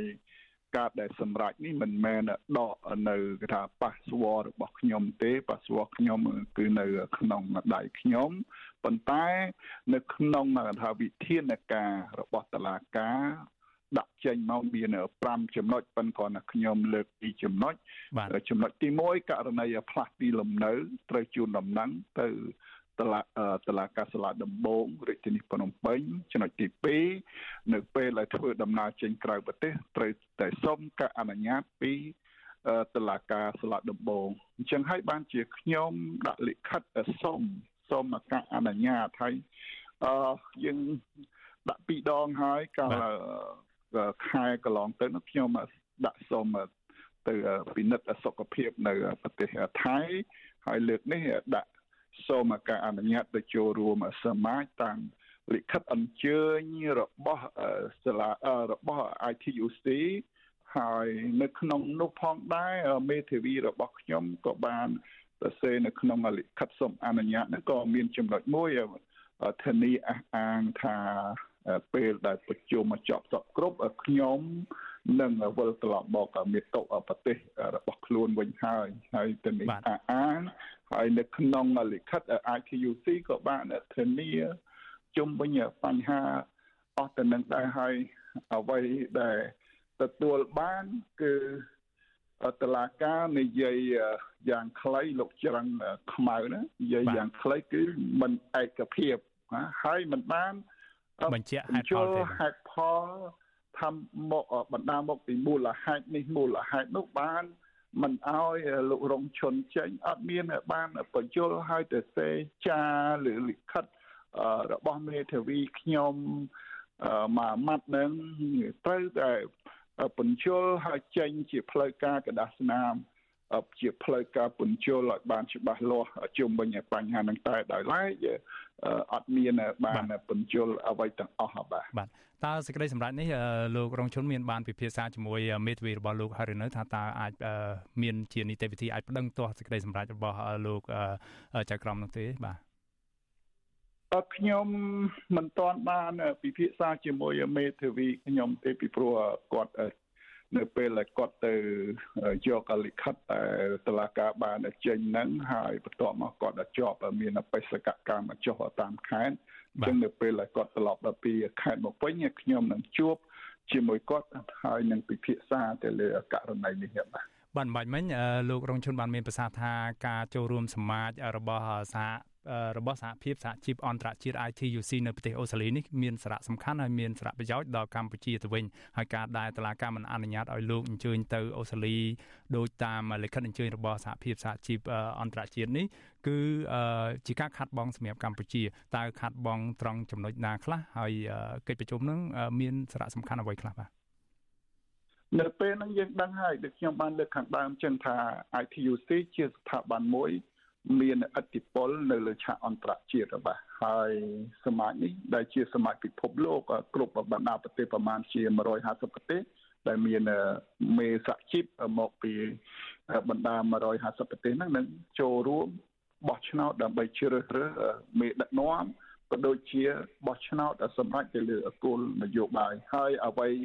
ដែលករណីខ្ញុំមិនបានទៅចូលរួមហ្នឹង នៅពេលហ្នឹងអង្គសមាជគេនឹងលើកឡើងហើយគេនឹងមានការភ្ញាក់ផ្អើលអំពីរដ្ឋាភិបាលកម្ពុជាក៏ដូចជាតុលាការនៅកម្ពុជាហ្នឹងដែលរៀបរៀងវត្តមានខ្ញុំមិនអោយទៅចូលរួមហើយយើងដឹងហើយថាអឺវានឹងអាចប៉ះពាល់ទៅដល់អឺ GSP បាទដូចឥឡូវនេះសហរដ្ឋអាមេរិកមិនទាន់បានផ្ដល់ GSP ឡើងវិញដល់កម្ពុជាទេពីព្រោះគេរងចាំមួយចំហកម្ពុជាថាតើកម្ពុជានឹងគោរពសិទ្ធិសហជីពគ្រប់លក្ខខណ្ឌការងាររបស់បងប្អូនកម្មករកម្មការនីដែរទេក៏ដូចជា EBA ក៏គេកំពុងសហភាពអឺរ៉ុបកំពុងតែពិនិត្យហើយនឹងពិចារណាថាតើត្រូវកាត់បន្តទៀតឬមួយបែបណាហើយបើសិនជាជំហរតឡាការកម្ពុជាធ្វើតែបែបនេះពេលហ្នឹង កម្ពុជានឹងប្រឈមមុខបាត់បង់ EBA ទាំងស្រុងក៏ដូចជាបាត់បង់ GSP សហរដ្ឋអាមេរិកមិនមិនអាចផ្ដល់បន្តឲ្យកម្ពុជាទេអាហ្នឹងហើយដែរដែលជាការខាត់បងណាបាទបាទ បាទអរគុណលោករងឈុនលោកក៏បានបញ្ជាក់ដែរអំបញ្ញមិញថាការចូលរួមសមាជនេះគឺដើម្បីជ្រើសរើសសមាជិកជ្រើសរើសមេដឹកនាំសហភាពសហជីពអន្តរជាតិនេះហើយទន្ទឹមនឹងនឹងក៏មានការចេញជាគោលនយោបាយឲ្យជាក់លាក់នោះដែរបាទលោករងឈុនប៉ះសិនបើលោកបានទៅចូលរួមវិញតើលោកគ្រូនឹងលើកយកបញ្ហាអ្វីខ្លះទៅទៅចូលរួមចែករំលែកនៅក្នុងអង្គសមាជនោះបាទបើខ្ញុំបានទៅចូលរួមខ្ញុំនឹងជួបមេដឹកនាំ ជីពមកពីបណ្ដាផ្សេងផ្សេងហើយខ្ញុំនឹងលើកឡើងពីបញ្ហាស្ថានភាពកម្មករនៅកម្ពុជាសិទ្ធិសេរីភាពសហជីពនៅកម្ពុជា ហើយនឹងច្បាប់ស្ដីពីសហជីពនៅកម្ពុជាតាក់ទងទៅនឹងការរឹតបន្តឹងដែលធ្វើឲ្យសហជីពនៅកម្ពុជានឹងបាត់បង់នៅគេថាសិទ្ធិអំណាច ក្នុងការសម្រេចក៏ដូចជាការការពារដល់សមាជិកសមាជិការបស់ខ្លួនបាទបាទ បាទលោករងឈុនបើខ្ញុំចាំមិនច្រឡំទេគឺពេលនេះជាលើកទី2ហើយដែលលោកមិនត្រូវបានអនុញ្ញាតឲ្យចេញទៅក្រៅប្រទេសលើកទី1គឺការពេលដែលលោកនឹងសុំការអនុញ្ញាតពីតុលាការនឹងទៅព្យាបាលភ្នែកនៅឯប្រទេសថៃបាទហើយនេះជាលើកទី2ហើយទន្ទឹមនឹងនឹងលោកបានមានប្រសាសន៍ថាការដែលមិនអនុញ្ញាតឲ្យលោកអញ្ជើញទៅចូលរួមកិច្ចប្រជុំសមាជនៅប្រទេសអូស្ត្រាលីនេះនឹងធ្វើឲ្យសហខាងសហភាពសហជីពអន្តរជាតិ ITUC នឹងគេនឹងលើកយកបញ្ហាកម្ពុជារំលេចឈ្មោះរបស់លោកថាត្រូវបានតឡាការក្នុងនាមលោកជាមេសហជីពមួយនៅកម្ពុជាដែលមានអ្នកគ្រប់គ្រងច្រើនជាសមាជិកនោះគេនឹងរំលេចនៅក្នុងរបាយការណ៍របស់គេរឹតតែធ្វើឲ្យបញ្ហារបស់កម្ពុជាត្រូវគេដឹងឮបន្ថែមទៀតអញ្ចឹងជាចុងក្រោយលោកមានជាសារអ្វីចង់និយាយទៅកាន់តឡាការកម្ពុជាបាទ ជាចុងក្រោយខ្ញុំគ្រាន់តែចង់ឲ្យតឡាការកម្ពុជាក៏ដូចជារដ្ឋាភិបាលកម្ពុជាត្រូវពិនិត្យពិចារណាករណីនេះឡើងវិញវាមិនទាន់ហួសពេលនៅឡើយទេបាទនឹងអាចថាផ្ដល់សិទ្ធិឲ្យខ្ញុំធ្វើដំណើរទៅចូលរួមសមាជជាមួយ ITUC នៅប្រទេសអូស្ត្រាលីបាទហើយខ្ញុំគិតថាបើមានការដោះស្រាយវាជាការល្អប្រសើរសម្រាប់កម្ពុជាហើយនឹងនាំផលប្រយោជន៍ ជូនដល់កម្មករកម្មការនីខ្មែរយើង ដូចជាតាមរយៈការផ្ដល់ GSP ការផ្ដល់ EBA ឡើងវិញសម្រាប់កម្ពុជាហើយនឹងបង្កើននៅគេថាការងារដល់កម្មករខ្មែរផងដែរបាទ បាទអរគុណច្រើនលោករងឈុនយើងនឹងបន្តតាមដានទាំងអស់គ្នាទៀតទៅលើការសម្រេចរបស់តុលាការនេះហើយនឹងរបាយការណ៍របស់សហភាពសហជីពអន្តរជាតិ ITUC នៅពេលខាងមុខនេះថាតើគេលើកឡើងយ៉ាងណាអំពីបញ្ហាសិទ្ធិការងារនៅកម្ពុជាបញ្ហាសិទ្ធិសហជីពអីជាដើមនោះបាទសម្រាប់ពេលនេះខ្ញុំសូមជម្រាបលាលោកត្រឹមនេះបាទបាទសូមជម្រាបលាលោកអមេនរដ្ឋបាទសូមជម្រាបលា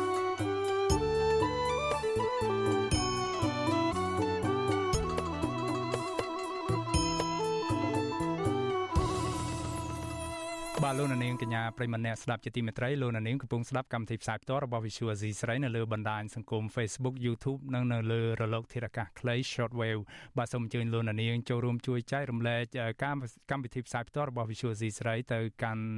មិត្តភ័ក្តិរបស់លោកនាងដើម្បីឲ្យការផ្សាយរបស់យើងបានជ្រុលជ្រាបទៅដល់ពលរដ្ឋខ្មែរនៅទូទាំងប្រទេសកម្ពុជានិងនៅលើពិភពលោកបាទហើយប៉ះសិនបើលោកនាងពេញចិត្តឬ ចូលចិត្តអាននិងស្ដាប់នៅអត្ថបទសេចក្តីរាយការណ៍ណាមួយក៏សូមលោកអ្នកនាងចូលរួមទៅមើលគេហទំព័ររបស់ Visual Asia ស្រីគឺ www.rfa.org ហើយលោកអ្នកនាងអាចចែករំលែកអត្ថបទទាំងនោះបានបាទទន្ទឹមនឹងនេះព័ត៌មានដាច់ដライមួយទៀតទាក់ទងទៅនឹងកង្វល់របស់ពលរដ្ឋអាស៊ានស្របពេលដែលកម្ពុជាត្រៀមរៀបចំកិច្ចប្រជុំកំពូលអាស៊ានលើកទីជាលើកទី3របស់ខ្លួននៅក្នុងប្រវត្តិសាស្ត្រនោះបាទប្រជាពលរដ្ឋមានទំនាស់ដីធ្លីសហគមន៍ព្រៃឈើសហគមន៍នេសាទកម្មករកសិករស្ត្រីរកស៊ីផ្លូវភេទនិងអ្នកស្រឡាញ់ភេទដូចគ្នាជាដើមនោះដែលមានគ្នាប្រមាណ900នាក់មកពីបណ្ដា20ខេត្តក្រុងរាជធានីបានចូលរួមធ្វើសន្និបាតមហាជនស្ដីពីទុកកង្វល់របស់ពួកគាត់នៅឯទីលានប្រជាធិបតេយ្យរាជធានីភ្នំពេញនៅថ្ងៃទី3ខែវិច្ឆិកានេះបាទពួកគាត់ស្នើឲ្យរដ្ឋាភិបាលងាកមកគោរពសិទ្ធិមនុស្សនិងបន្ធូរបន្ថយនៅភាពតានតឹងផ្នែកនយោបាយហើយងាកមកដោះស្រាយបញ្ហាវិបត្តិនានាដែលកំពុងកើតឡើងនៅក្នុងសង្គមកម្ពុជាសប្តាហ៍ថ្ងៃនេះបាទលោកទីនសាការីយ៉ារាយការណ៍ព័ត៌មាននេះបាទសន្និបាតមហាជននេះធ្វើឡើងក្នុងគោលបំណងដើម្បីបញ្ចេញមតិ ជុំវិញនឹងបញ្ហាប្រឈមទាំងឡាយព្រមទាំងផលប៉ះពាល់ដែលប្រជាពលរដ្ឋកំពុងតែជួបប្រទះរួមនឹងផលប៉ះពាល់ដែលកើតចេញពីវិបត្តិនានាអ្នកដែលបានចូលរួមនៅក្នុងកម្មវិធីនេះលើកឡើងថាពួកគាត់រងគ្រោះដោយសារតែការរំលោភដីធ្លីពីសំណាក់ក្រុមហ៊ុនឯកជននិងរងភាពអយុត្តិធម៌នៅក្នុងសង្គមជាច្រើនឆ្នាំមកហើយដោយសារតែអាជ្ញាធរពាក់ព័ន្ធមិនព្រមដោះស្រាយជូនពួកគាត់តំណាងសហគមន៍ដីធ្លី197គ្រួសារនៅស្រុកស្រែអំបិលខេត្តកោះកុងលោកស្រីដេតហួរថ្លែងថា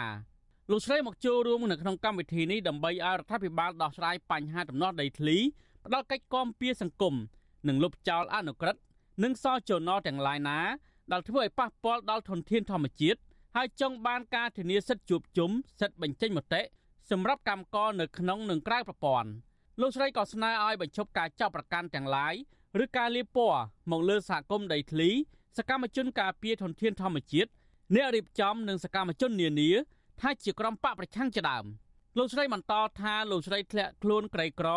គឺដោយសារតែរវល់នឹងការតវ៉ាអំពីបញ្ហាដំណោះដីធ្លីរបស់ខ្លួនដែលអស់បន្លាយរ៉ាំរ៉ៃជាច្រើនឆ្នាំមកហើយ។ក្នុងនោះក៏យើងទទូចឲ្យរដ្ឋាភិបាលជំរុញនៅការដោះស្រាយឲ្យបានយ៉ាងឆាប់បំផុតប្រទេសគេគឺរូបខ្ញុំផ្ទាល់សូមឲ្យរដ្ឋាភិបាលកុំឲ្យមានការចាត់ប្រកាន់ដល់រូបខ្ញុំនិងតំណាងផ្សេងផ្សេងទៀតដែលគាត់កំពុងតែរងគ្រោះដីធ្លីព្រោះដូចខ្ញុំផ្ទាល់ខ្ញុំចប់មិនដឹងពីបីករណីដោយសារតែខ្ញុំប្រកាសមិនដែងមតិ ក៏ចប់ប្រព័ន្ធតុលាការដែរខ្ញុំនិយាយរឿងពិតយើងបាត់បង់ដីធ្លីហើយយើងចង់បានឲ្យរដ្ឋាភិបាលផ្ដល់ដំណោះស្រាយយើងហើយយើងចង់បានឲ្យតុលាការផ្ដល់ភាពយុត្តិធម៌ជូនដល់អស់គ្នាដែលកំពុងតែរងគ្រោះប្រហាក់ប្រហែលគ្នាដែលតំណាងបរដ្ឋមានដំណោះដីធ្លីនៅខេត្តកោះកុងម្នាក់ទៀត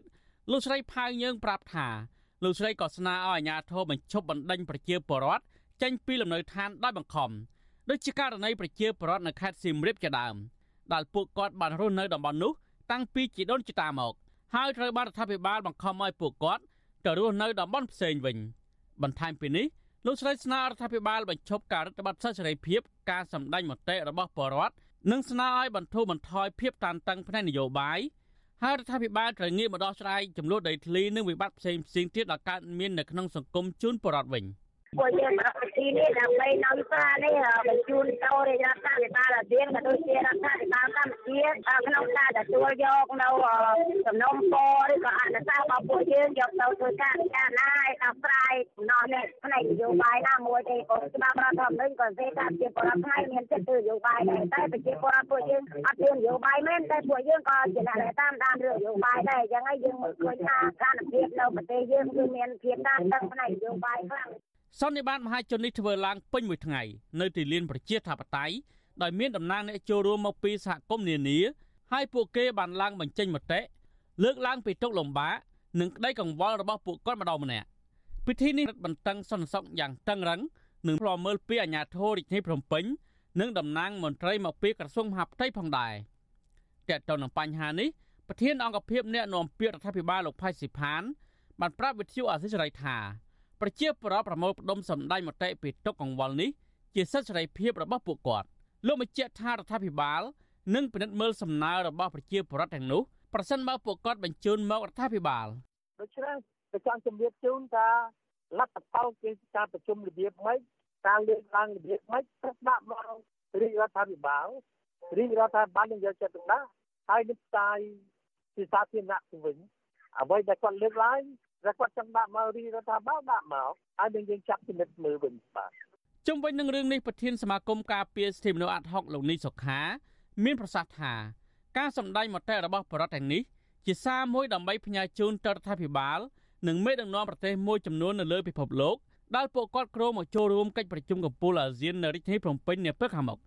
ដើម្បីឲ្យងាកមកយកចិត្តទុកដាក់និងដោះស្រាយពីទុកកង្វល់របស់ពួកគាត់ពិសេសគឺដំណោះដីធ្លី។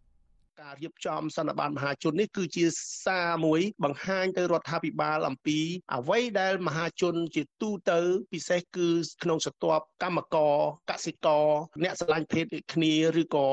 សកម្មជនផ្សេងផ្សេងទៀតមានន័យថាគ្រប់មជ្ឈដ្ឋានដែលគាត់បានមកចូលរួមពិសេសគឺក្រមដែលងាយរងគ្រោះដែលគាត់បានមកចូលរួមហើយគាត់បានផ្ញើសារទៅរដ្ឋាភិបាលដែលអានេះជារឿងមួយវាស្របទៅនឹងស្មារតីនៃរដ្ឋធម្មនុញ្ញដែលនិយាយអំពីសំណើរបស់ប្រជាពលរដ្ឋឬក៏កង្វល់របស់ប្រជាពលរដ្ឋត្រូវតែទទួលបានការយកចិត្តទុកដាក់ក្នុងការដោះស្រាយយ៉ាងម៉ត់ចត់ពីសំណាក់អង្គការរដ្ឋសន្និបាតមហាជននេះធ្វើឡើងស្របពេលដែលកម្ពុជា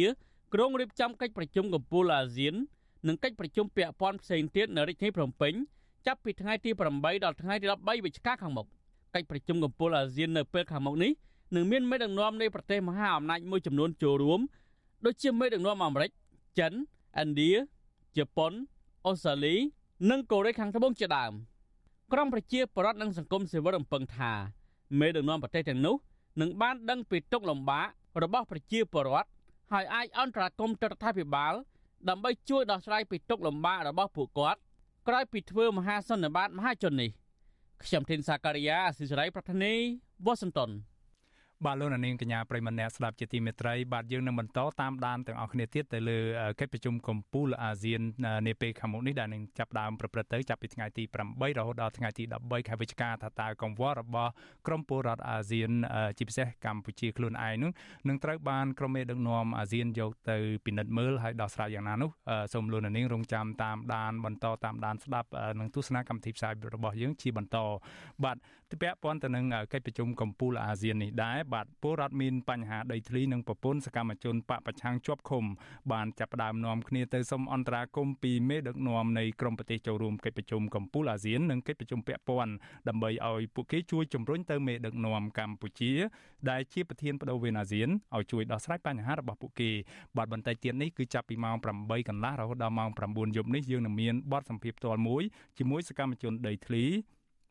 និងប្រពន្ធសកម្មជនបពប្រឆាំងកំពុងជាប់ឃុំនៅក្នុងការផ្សាយរបស់យើងនាពេលបន្តិចទៀតនេះដែលកម្មវិធីនេះនឹងសម្របសម្រួលដោយអ្នកស្រីសុជីវីបាទដូច្នេះសូមអញ្ជើញលោកអ្នកនាងរងចាំបន្តតាមដានទស្សនានិងស្ដាប់ការបទសម្ភាសន៍នេះនាពេលបន្តិចទៀតនេះហើយសម្រាប់ពេលនេះដែរចំពោះលោកអ្នកនាងដែលកំពុងស្ដាប់ការផ្សាយផ្ទាល់របស់យើងនៅលើរលកធាតុអាកាសខ្លីបាទនៅវេលាម៉ោង8:30នាទីនោះលោកអ្នកនាងនឹងលែងលើការផ្សាយរបស់យើងហើយដូច្នេះសូមអញ្ជើញលោកអ្នកនាងងាកមកបើកស្ដាប់និងទស្សនាកម្មវិធីផ្សាយផ្ទាល់របស់ Visual C ស្រីនៅលើបណ្ដាញសង្គម Facebook និង YouTube ជាបន្តបាទសូមអរគុណ បាទលោកនាងកញ្ញាប្រិមត្តអ្នកស្ដាប់ជាទីមេត្រីបាទទន្ទឹមនឹងនេះដែរក្នុងព័ត៌មានដាច់ដライមួយទៀតគឺអង្គការដំឡាភិបកម្ពុជាបានចេញរបាយការណ៍ស្ទង់មតិមួយរកឃើញថាយុវជនខ្មែរហាក់បីដូចជាមិនសូវចាប់អារម្មណ៍ទៅនឹងរឿងនយោបាយនោះទេដោយសារតែពួកគេព្រួយបារម្ភពីសវត្ថិភាពផ្ទាល់ខ្លួនបាទរបាយការណ៍ថ្មីនេះបានស្ទង់មតិលើយុវជនចំនួន1600នាក់គឺមានតែយុវជនចំនួន17%តែប៉ុណ្ណោះដែលនិយាយថាពួកគេចាប់អារម្មណ៍នឹងរឿងនយោបាយរីឯយុវជនប្រមាណជា82%ទៀតនិយាយថាពួកគេមិនចាប់អារម្មណ៍ទាល់តែសោះឬចាប់អារម្មណ៍បន្តិចបន្តួចទៅលើកិច្ចការនយោបាយរបាយការណ៍នេះបានស្ទង់មតិទៅលើយុវជនដែលមានអាយុចន្លោះពី15ឆ្នាំទៅ30ឆ្នាំនៅភូមិសរុបចំនួន200នៅទូទាំងប្រទេសកម្ពុជាគឺចាប់ពីខែវិច្ឆិកាដល់ខែធ្នូឆ្នាំ2021ដែលទើបយកមកចេញផ្សាយនៅកាលពីថ្ងៃទី30ខែតុលាថ្មីៗនេះបរបាយការណ៍ស្ទង់មតិរបស់អង្គការដំឡាភិបកម្ពុជានេះបានផ្ដល់អនុសាសន៍មួយចំនួនដល់រដ្ឋាភិបាលកម្ពុជា ដើម្បីឲ្យយុវជនចូលរួមសកម្មនៅក្នុងរឿងប្រទេសជាតិឬរឿងនយោបាយឡើងវិញបាទក្នុងចំណោមអនុសាសន៍ទាំងនោះរួមមានដូចជាថារដ្ឋាភិបាលគួរតែកែលម្អក្របខ័ណ្ឌច្បាប់គោលនយោបាយនិងបើកបរិយាកាសនយោបាយនិងសិទ្ធិសេរីភាពឲ្យបានទូលំទូលាយឡើងវិញសម្រាប់ក្រមយុវជនដូចជាពាក់ព័ន្ធទៅនឹងសិទ្ធិបញ្ចេញមតិសិទ្ធិនៅក្នុងការជួបប្រជុំសិទ្ធិប្រមូលផ្ដុំសិទ្ធិបង្កើតអង្គការសមាគមសិទ្ធិទទួលបានព័ត៌មានជាដើមដើម្បីឲ្យយុវជនអាចចូលរួមនៅក្នុងជីវភាពជីវិតនយោបាយសង្គមនិងកិច្ចការប្រទេសជាតិឡើងវិញបានបាទពាក់ព័ន្ធនឹងរឿងរ៉ាវនេះដែរបាទនៅក្នុងនេតិវេទិកាអ្នកស្ដាប់វិទ្យុស៊ីស្រីនៅយប់ថ្ងៃសុកស្អែកនេះបាទសូមអញ្ជើញលោកនាងរងចាំស្ដាប់នេតិវេទិកាអ្នកស្ដាប់វិទ្យុស៊ីស្រីរបស់យើងដែលយើងនឹងជជែកគ្នាថាតើត្រូវធ្វើដូចម្តេចដើម្បីឲ្យយុវជនងាកមកចាប់អារម្មណ៍នឹងរឿងនយោបាយឬកិច្ចការប្រទេសជាតិឡើងវិញនោះបាទដូច្នេះសូមអញ្ជើញលោកនាងរងចាំចូលរួមស្ដាប់និងបញ្ចេញមតិមតិយោបល់ឬដាក់ជាសំណួរទៅកាន់វាគ្មិនកិត្តិយសរបស់យើងនៅក្នុងនេតិវេទិកាអ្នកស្ដាប់វិទ្យុអេស៊ីសេរីនៅថ្ងៃស្អែកគឺយប់ថ្ងៃទី4ខែវិច្ឆិកានេះហើយបើសិនបើលោកនាងចាប់អារម្មណ៍សូមមេត្តាដាក់លេខទូរស័ព្ទនិងឈ្មោះលោកនាងនៅក្នុងប្រអប់ខ្ទង់ comment នៃការផ្សាយផ្ទាល់នៅលើបណ្ដាញសង្គម Facebook និង YouTube ហើយក្រុមការងាររបស់យើងនឹងហៅទៅលោកនាងវិញបាទសូមលោកនាងកុំភ្លេចរងចាំតាមដាននិងចូលរួមនៅក្នុងនេតិវេទិកាអ្នកស្ដាប់វិទ្យុស៊ីស្រីនៅពេលនោះបាទសូមអរគុណ បាទលោកនាងកញ្ញាប្រិមម្នាក់ស្ដាប់ជាទីមេត្រីលោកនាងកំពុងស្ដាប់កម្មវិធីផ្សាយផ្ទាល់របស់ Visual C ស្រីតាមបណ្ដាញសង្គម Facebook និង YouTube បាទប៉ះសិនរឿងរ៉ាវដាច់ដライមួយទៀតបាទពលរដ្ឋជាច្រើនអ្នកភ ieck ច្រើនជាជនជាតិដើមភ ieck តិចគួយរស់នៅខេត្តព្រះវិហារនៅថ្ងៃទី3ខែវិច្ឆិកាបានលើកគ្នាតវ៉ាប្រឆាំងនឹងក្រុមហ៊ុនឯកជនមួយដែលកំពុងយកគ្រឿងចាក់ជាច្រើនគ្រឿងទៅឈូសឆាយផ្ដួលរំលំដើមឈើធំធំដែលស្ថិតនៅក្នុងតំបន់ព្រៃសហគមន៍ជីអោក ដែលពួកគាត់អាស្រ័យផលពជាសហគមន៍ខ្លះត្រូវបានអាជ្ញាធរនិងក្រុមហ៊ុនគម្រាមចាប់ដាក់គុកប៉ះសិនបើពួកគេនាំគ្នាតវ៉ាប្រឆាំងនឹងការឈូសឆាយនេះបាទសូមអញ្ជើញលោកនាងរងចាំស្ដាប់សេចក្តីរាយការណ៍ពិស្ដារនេះនៅក្នុងកម្មវិធីផ្សាយផ្ទាល់របស់យើងនៅព្រឹកស្អែកបាទសូមអរគុណ បាទលោកនាងកញ្ញាប្រិមម្នាក់ស្ដាប់ជាទីមេត្រីសម្រាប់ពេលនេះខ្ញុំបាទមេរិតសូមជម្រាបលាលោកនាងត្រឹមប៉ុណ្ណេះហើយខ្ញុំនឹងប្រកុលនេតិនេះជូនអ្នកស្រីសុជីវីដើម្បីអ្នកស្រីមកចូលសម្របសម្រួលនៅក្នុងកិច្ចសម្ភារមួយដែលផ្ដោតលើបញ្ហាកង្វល់របស់ប្រជាពលរដ្ឋដែលមានទំនាស់ដីធ្លី និងក្រុមដែលជាប្រពន្ធសកម្មជនដែលជាប់ឃុំរបស់គណៈបកសង្គ្រោះជាតិនៅពន្ធនាគារនេះព្រោះពួកគេចង់លើកពីកង្វល់របស់ពួកគាត់ដើម្បីឲ្យក្រុមមេដឹកនាំអាស៊ាន